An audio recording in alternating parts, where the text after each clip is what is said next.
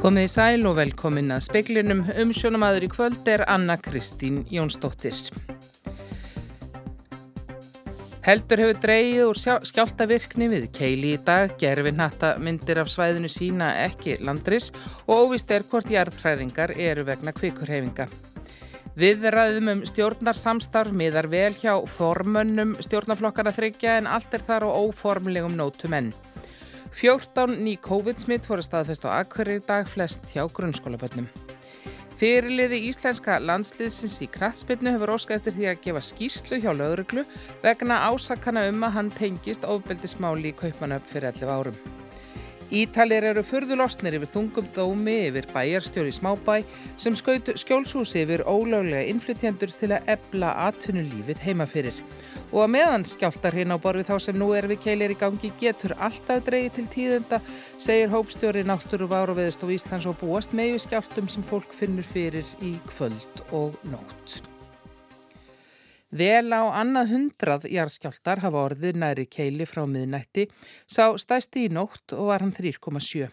Ekkert ris hefur mælst næri keili og því enn óvíst hvort skjáltavirknin er vegna kviku innskots. Vísindaráð almannavarna kom saman í dag og fór yfir gerfinnattamindir af svæðinu sem sína jarðskorpu reyfingar. Heldur höfðu dreyið úr virkninni eftir því sem liðið hefur á daginn en aðeins Nokkrir skjáltar verða við keili á klukkustund nú en voru nokkrir týjir á hverju klukkustund í morgun. Nánar verður rættum við Kristínu Jónsdóttur, hópstjóra náttúrváru veðstofni um skjáltavirknina og hræringarna við keili síðar í speklinum. Óformlegum viðræðum formanna stjórnarflokkanum framhald stjórnar samstarfs miðar vel. Fundur formannana í dag var ekki í Reykjavík en næsti fundur er fyrir háti á morgun í Ráþarabústanum. Eftir það funda Bjarni Bendisson og Katrín Jakobsdóttir með þingflokkum sínum til að ræða stöðuna og framhald við rana en Sigurður Ingi Jóhansson fundaði með sínu þingflokki í dag. Síðanum að búast við að Katrín Jakobsdóttir forsætis á þeirra upplýsi Guðuna T.H. Jóhannesson, forseta Íslands, um gang mála. Búist er við að oddvitar stjórnarflokkana ákveðum helgina eða á mánudag að hefja formlegar viðræður og þá hefjast af alvöru viðræður um verkaskiptingu millir flokkana og ráðuneta og vinna við stjórnarsáttmálan sjálfan. Gengi er út frá því í þessum viðræðum að Katrín Jakobsdóttir verði áfram forsætisráðara. Haukur Hólm sagði frá.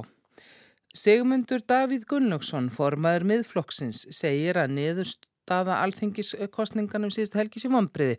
Þó sé hægt að ná miklum árangri með þryggjamanna þingflokki. Þetta er þetta mikil vonbriði. Kemur ekki að öllu leiti óvart. Við erum búin að vera að takast á við það undarfarnar vikur að menn hafa reykið áráða fyrir því að það væri hægt að þakka neyri þessari rött á þinginu. Það tókst þó ekki.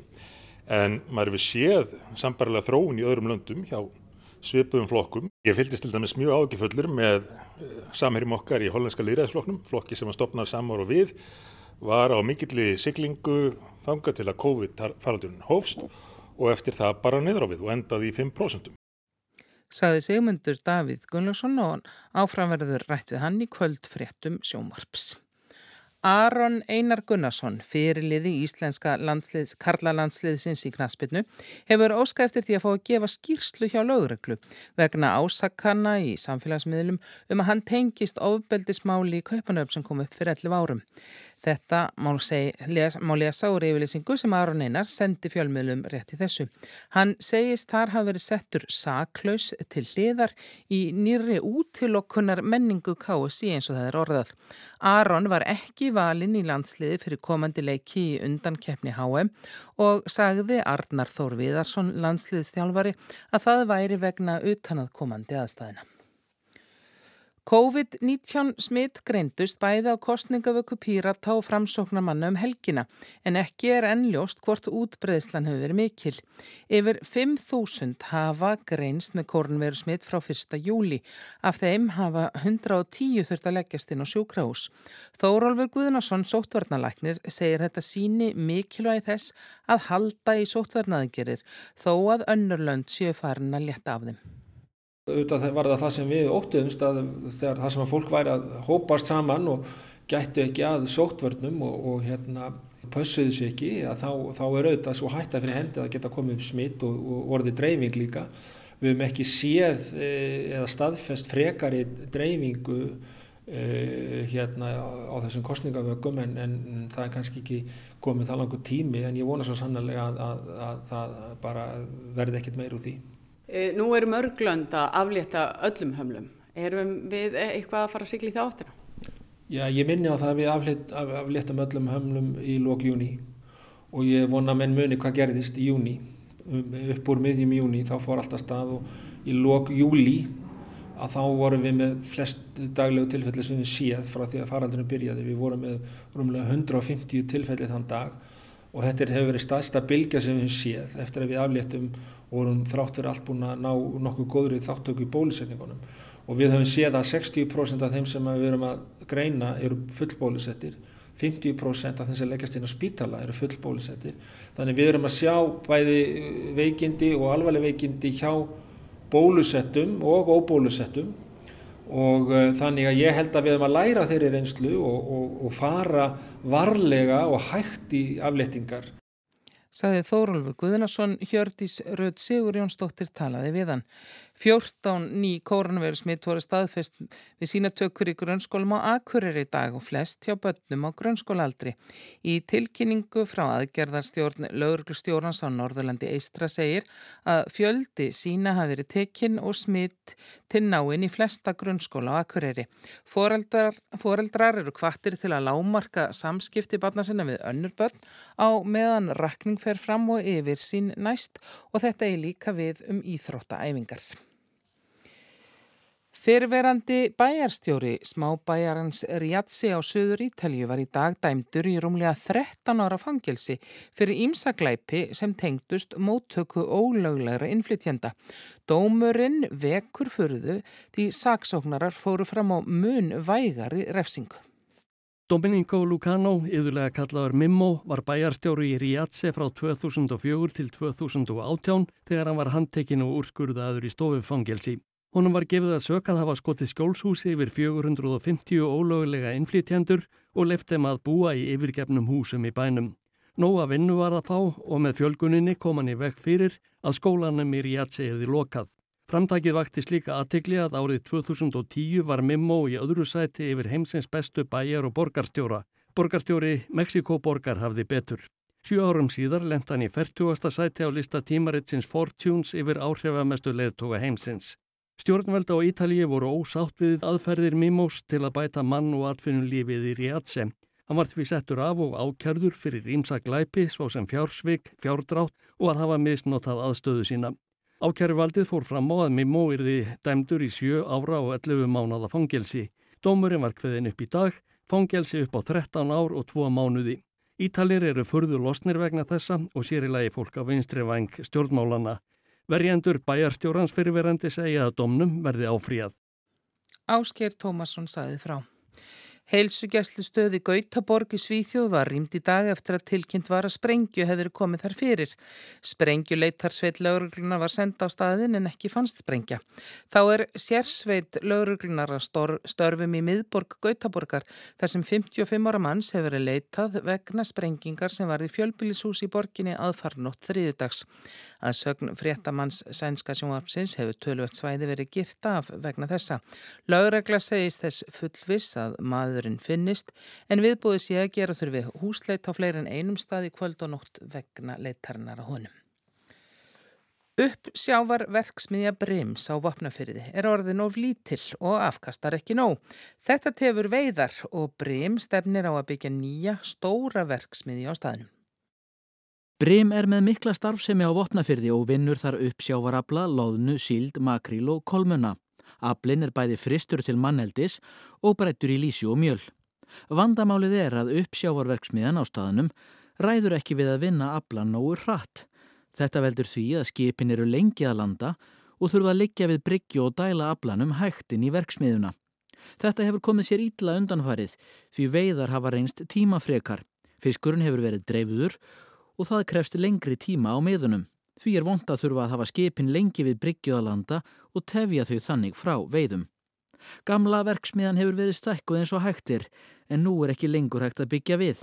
Sveitarstjórn Vopnæferðar Reps samþykti í síðustu viku að auglýsa breyta tillögu að nýju deiliskeipulagi fyrir hafnarsvæðið þar sem gert er ráð fyrir nýri verksmiðju. tveimur stórum byggingum, uppsjávarvinnslu annarsvegar og nýjum fristi og fristigeimslu hinsvegar. Þá er gert ráð fyrir fjórum nýjum og stærri mjöltöngum. Í tillegunni segir að helstu áhrif breytingarinnar séu neikvæð hvað varðar ásýndsvæðisins vegna skerðingar á útsýni og auknu umfangi með nýjum byggingum. Færa þarf hafnarvógina til að ringa til fyrir starfseminni, þá þarf að ráðast í landfyllingu og lengingu á löndunarkanti. Rúnar Snær Reynisson sagði frá. Margir á suðvesturhóttninu í höfuborginni og Reykjaneska og allt upp í borgarfjörð hrukku upp að værum blundi undir tvö í nótt þegar jæraskjálti sem mæltist 3,7 var millir keilis og litlar húts á Reykjaneska. Hann var sá sterkasti hinga til í þessari hrinu og skömmu eftir hádegi var vart jæraskjálta sem mæltist 3,5 og þeir eru þórnir 6 skjáltanir þrýr eða stærri síðustu tvo sólarhinga. En það var líka orðið fjölmarkir minniskjáltar.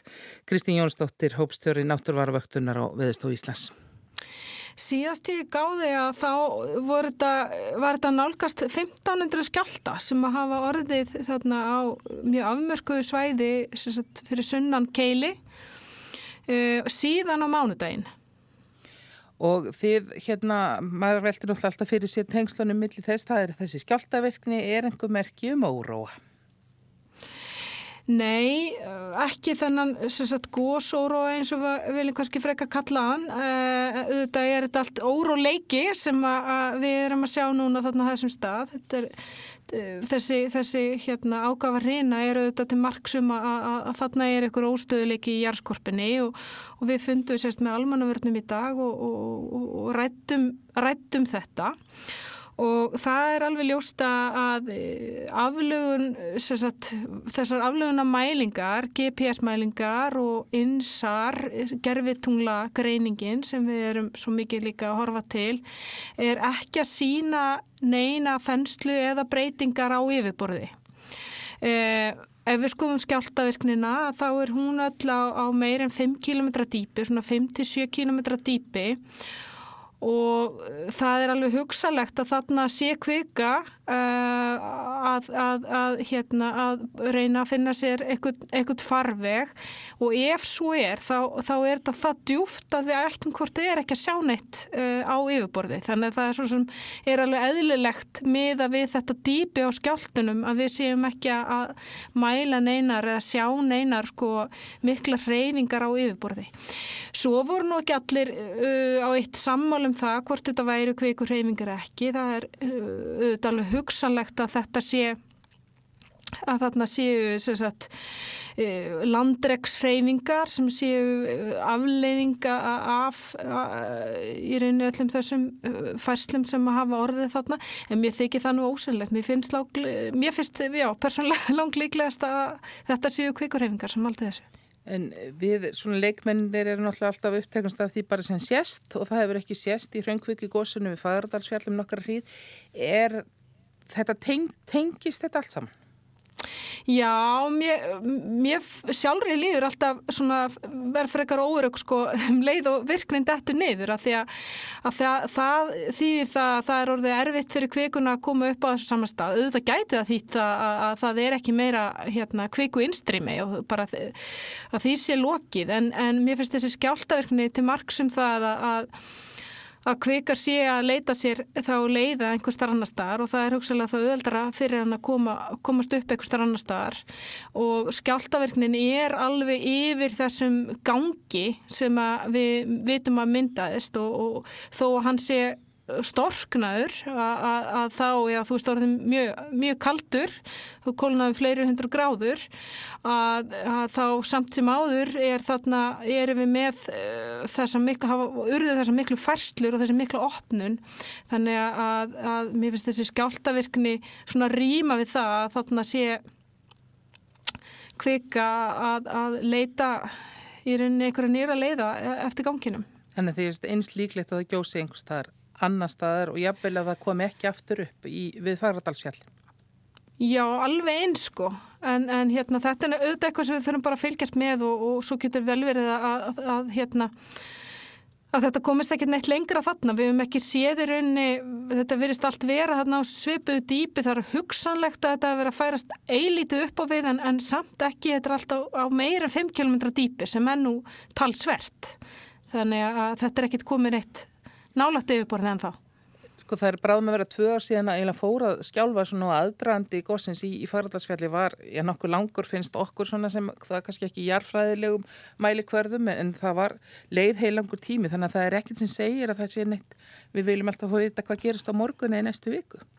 Já, ég myndi nú segja að meðan þessi skjálta hreina er í gangi að þá eru auðvitað alltaf líkur að því að, að, að dreyti tíðenda og þetta eitt af því sem gæti gerst er að, að þarna verði ykkur að fæslinu myndist ykkur frekari, frekari spenna og, og, og það reynilega verði fleiri skjáltar sem finnast á höfuborgarsvæðinu og, og í hérna á Reykjanes skaganum.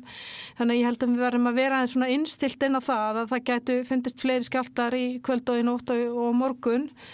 Uh, skjáltar á þessum stað verða uh, yfirleitt ekki mikið starra en sex uh, og, og hérna uh, og það er eitthvað sem auðvitað getur gerst að við getum fengið þarna starri skjálta en, en hérna já, bara eins og ég segja, meðan það er þessi óstöðleiki þarna þá megum við alveg eitthvað vona því að það verði einn og eitt skjálti sem við finnum á næstunni. Þakkaði fyrir þetta Kristín Jónsdóttir.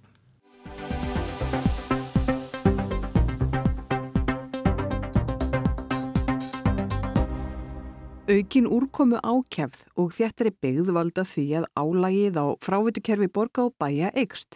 Nokkrir möguleikar eru í stöðunni til að bregðast við þessu. Að fjölga grænum svæðum og blettum þetta er kallað blágrænar ofanvarslausnir. Svo er hægt að uppfæra frávitukerfi og beita stafrætni tekni. En hvernig er staðan á þéttbílasta svæði landsins í höfðborginni? Fjóla Jóhannesdóttir er sérfræðingur í frávitum hjá veitum. Ef við horfum á bara þessa breytta minnstur að þá eru kerfin ekki hönnu með við það. En þau eru alveg hönnu með við þessa íslensku rigningu þar sem rignir svona rækilega bara allan daginn. Og kerfin ráða ágætlega við það. En ef það kemur kannski sólarhengs úrkoma á hálftíma að þá höfum við ekki undirbúði kerfin þannig. Að því það er kannski ekki verið týðkast á Íslandi eða við hefum ekki sett það mikið áður. Og við erum náttúrulega með þannig sett upp kerfið að ef það rignir mjög mikið að, og, og það er þá orðið meir en kerfið ráða við, þá opnast sagt, eða fer á yfirfall í fjörur og við viljum kannski líka á sama tíma fara að sjá minna af því á sama tíma við ætlum að verja okkur fyrir aukin úrkum. Þegar þú segir fer á yfirfall út í fjörur, erstu þá bara að tala um og þá fyrir skólp út í sjó. Já, þá fer bara óhreins og skólp út í sjó og þannig voru kerfin sett upp að það væri heppilegra að missa þetta í sjóun heldur en það myndi valda tjóni inn í heima hjá fólki en kröfunar eru bara að breytast og það er ekki eh, til yngri tíma gott að vera að setja mikið af reggvatni eða grunnvatni í blandi við skólpið okkar. Að því að skólpið okkar þarf kannski að vera bara í sínu eigin farvegi og þá mink mingar líkunar á þessum yfirfallum þar sem að er að fara skulp í sjó og að því að reggvatnið er bara í öðrum faravegi og líka verður auðveldar að hreinsa skulpið í hreinsistöðinni þegar það er ekki svona mikið upplanda. En hvar eru kerfin aðgrind og hvar eru þau upp á gamla mótan, allt í einum graut? Hverfin sem eru byggða eftir 1960 og svona kannski cirka allt austan ellaðana er með þessu aðgrinda kerfi.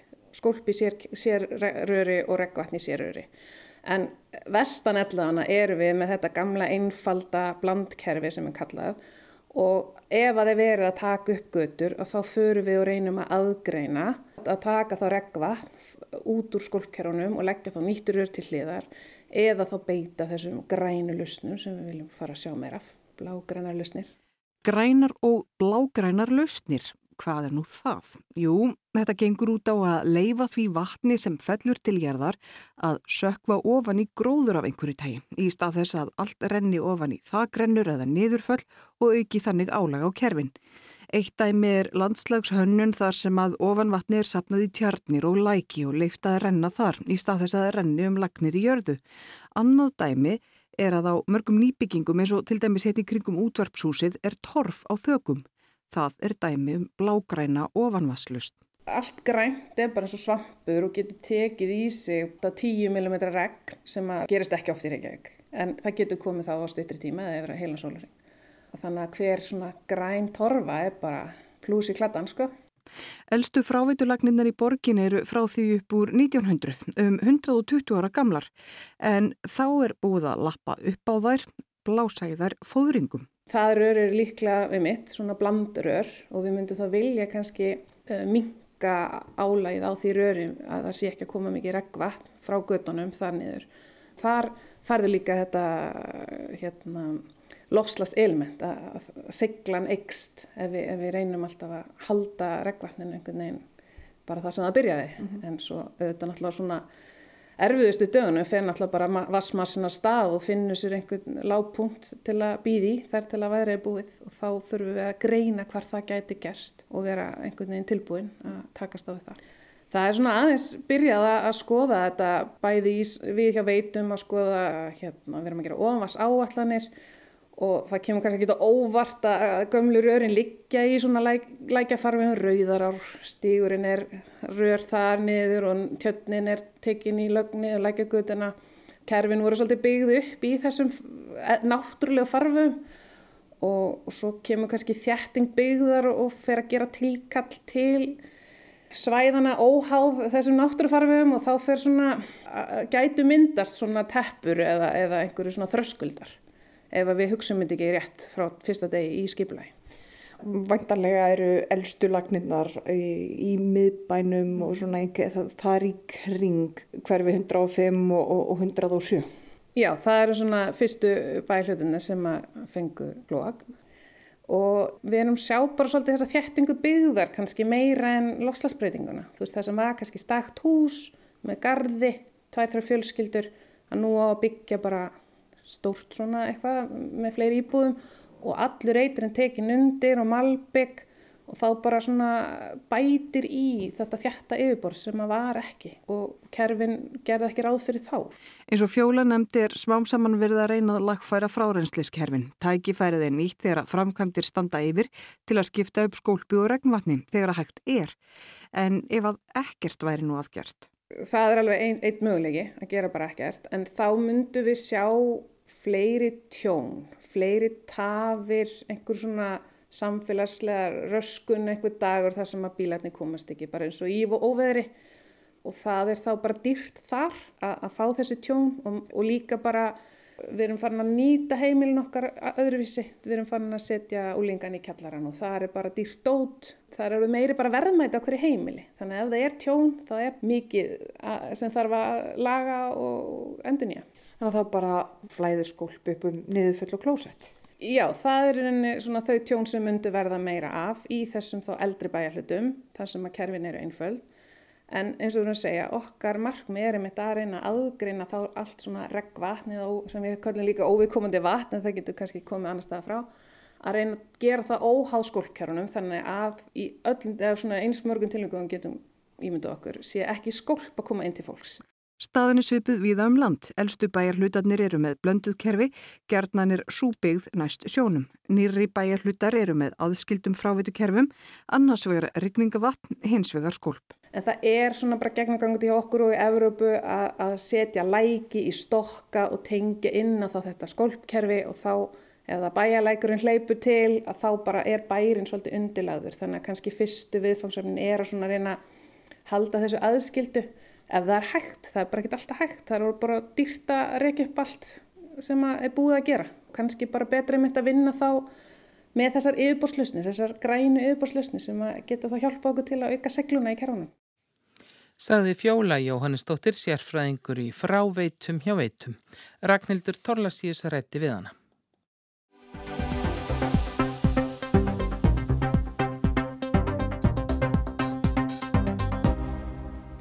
Jónas Garstöre neyðist til að mynda minni hlutastjórn eftir kostningarnar í Nóri. Engin samstaða næst á vinstri vang stjórnmáluna um stefnu nýrar vinstri stjórnar. Því halda viðræður tveggja flokka á framenn sósialistar segjast alltaf stiðja góð mál. Ný ríkistjórn verður vart tilbúin fyrir ennum miðjan næsta mánuð. Gísli Kristjánsson. Jónas Garstöru, formaður verkamannaflokksins, lendir í sömu stöðu og Erna Solberg fráfarandi fósætisráðura. Henni tókst bara um stuttan tíma að sameina alla flokkana á hægri vagnum en stýrði lengst af minni hlutastjórnum á átta ára ferli sínum. Hún var það semja um framganga einstakra mála.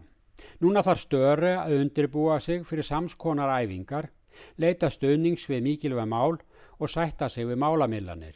Hann segir þetta vonbrygði. Ég hafði hópet på eitt annað utfall. Uh, oppsummeringen min var at Senterpartiet og Arbeiderpartiet Ég vonaðist eftir annari niðurstöðu. Enga síður kemur þessi niðurstöða þó ekki á óvart í viðræðunum um nýja vinstiristjórn. Vitað var að allir vildu vinna með störi en samstarfsflokkarnir vildu ekki vinna saman. Það er langur vegur á meðli miðflokksins, flokksbænda og sósialíska vinstriflokksins. Störi var að fá báða þessa flokka með sér í meiri hluta. Þegar fyrir kostningar sögðu miðflokksmenn að þeir vildu ekki vinna með sósialistum og gera það ekki heldur. Ágreiningsmálin eru fyrst óli og umhverfi og svo skattarnir. Sósialistar vilja hækka skatta á ríkt fólk, leggja meira á breyðubökin. Nota tekjurnar til að draga úr misrétti og fátækt í landinu. Fátækt er vissulega til í ríkasta landi heims. Miðflokksmenn óttast að slík skattlagning bytni mest á meðalstórum atvinnureikundum. Það er oft bændur og fyrirtæki þeirra í úrvinnslu og búvöru. Hinn er ríkustu flyti heimilisfangsitt til útlanda en það geta bændur og búalið ekki. Sósialistar vildu sérstaklega endurvekja umdeldan erðaskatt. Það vilja miðflokksmenn alls ekki því sá skattur leggst á börn bænda þegar þú erfa jarðir foreldra sinna. Annað er óljan og meint tvöfalt siðgæði norðmanna í umhverfismálum. Mikið er talað af öllum stjórnmálamönnum hér um hlínun jarðar við brennslu ólju og gass. Stórfje er varði að bjarga regnskóum í fjarlægum heimslutum á sama tíma á norðmenn dæla upp gasi og ólju í stórum stíl og græða vel. Þarna haldast ekki í hendur orð og gerðir að sögn gaggrínenda og þar eru sósialistar fremstir. Þeir vilja að óljuleit verði hætt og að undirbúningur og endalokum óljuvinnslunar á landgrunninu verði hafinn. Bæði verkamannaflokkur og miðflokkur vilja fara sér hægt í þessum efnum enda báður háður óljunu um atkvæði. Verkamannaflokkurinn er beinlínis byggður á samtökum vinnandi manna þar á meðal í óljunni. Mikil anstaður undir niður í flokknum við að segja 20.000 manna í vel launuðum störfum að gera bara eitthvað annað. Sama er í miðflokknum, byggð víða út um land er háð oljuvinnslunu og út um land er líka atkvæði miðflokksins. Flokkarnir til vinstri er því mjög ósáttur um hver hatt eigi að fara í að bjarga heiminum. Með allt þetta í huga kemur engum á óvart að upp úr viðræðunum slittnaði þegar í upphafi. Núna standur störi frammi fyrir því að verða sækja stuðning bæði til hægur og vinstri. Það er neyðarúræði sem oft hefur verið grípið til hér í Noregi. Skiptingin millir hægur og vinstri er skýr og óyfirstíganleg og flokkarnir til hægur og vinstri vinna ekki saman í ríkistjórnum. Það verður aldrei gerst nema þegar miðflokkurinn flutti sig yfir fyrir meirinn hálfur öld. Núna er miðflokkurinn yfirlýstur vinstriflokkur. Flokkar til hægur og vinstri eru hins vegar sammála um einstök mál. Núna reynir á hæfileika Jónasvarkar störu verðandi fósætisráþura í jafnvægislistinni. Að koma málum fram án þess að hafa meiri hluta og verða að semja um allt. Stjórnin verður opinn í báða enda. Jónas vil helst semja til vinstri en vantanlegt samstarfsfólks í miðfloknum vil alveg semja til hægri. Þetta er jafnvægislist sem margir norskir fórsættisráþurar hafa orðið að leika. Aðeins Jens Stoltenberg hefur á síðari árum náða að halda meiri hlutastjórn við völd í tvö kjörtímabil. Og það verður norðaustanátt 10 til 18 og rigningamorgun en lægir og stittir upp sunnan og austan til hitabilnu 4 til 10 stig. Það var helst í fréttum að heldur hefur dreyið úr járskjáltavirkni við Keili á Reykjaneskaga í dag. Fyrirliði íslenska kallaðlandsliðsins í knatsbyrnu hefur óskæftið því að fá að gefa skýrslu hjá lauruglu vegna ásakanna á samfélagsmiðlum og viðræðum um ríkistjórnar samstarf miðar vel hjá formönunum þremur en allt er þar óformlegt enn. Fleir er ekki í speiklinum í kvöld. Tæknum aðri útsendingu var Magnús Þorstein Magnússon veriði sæl.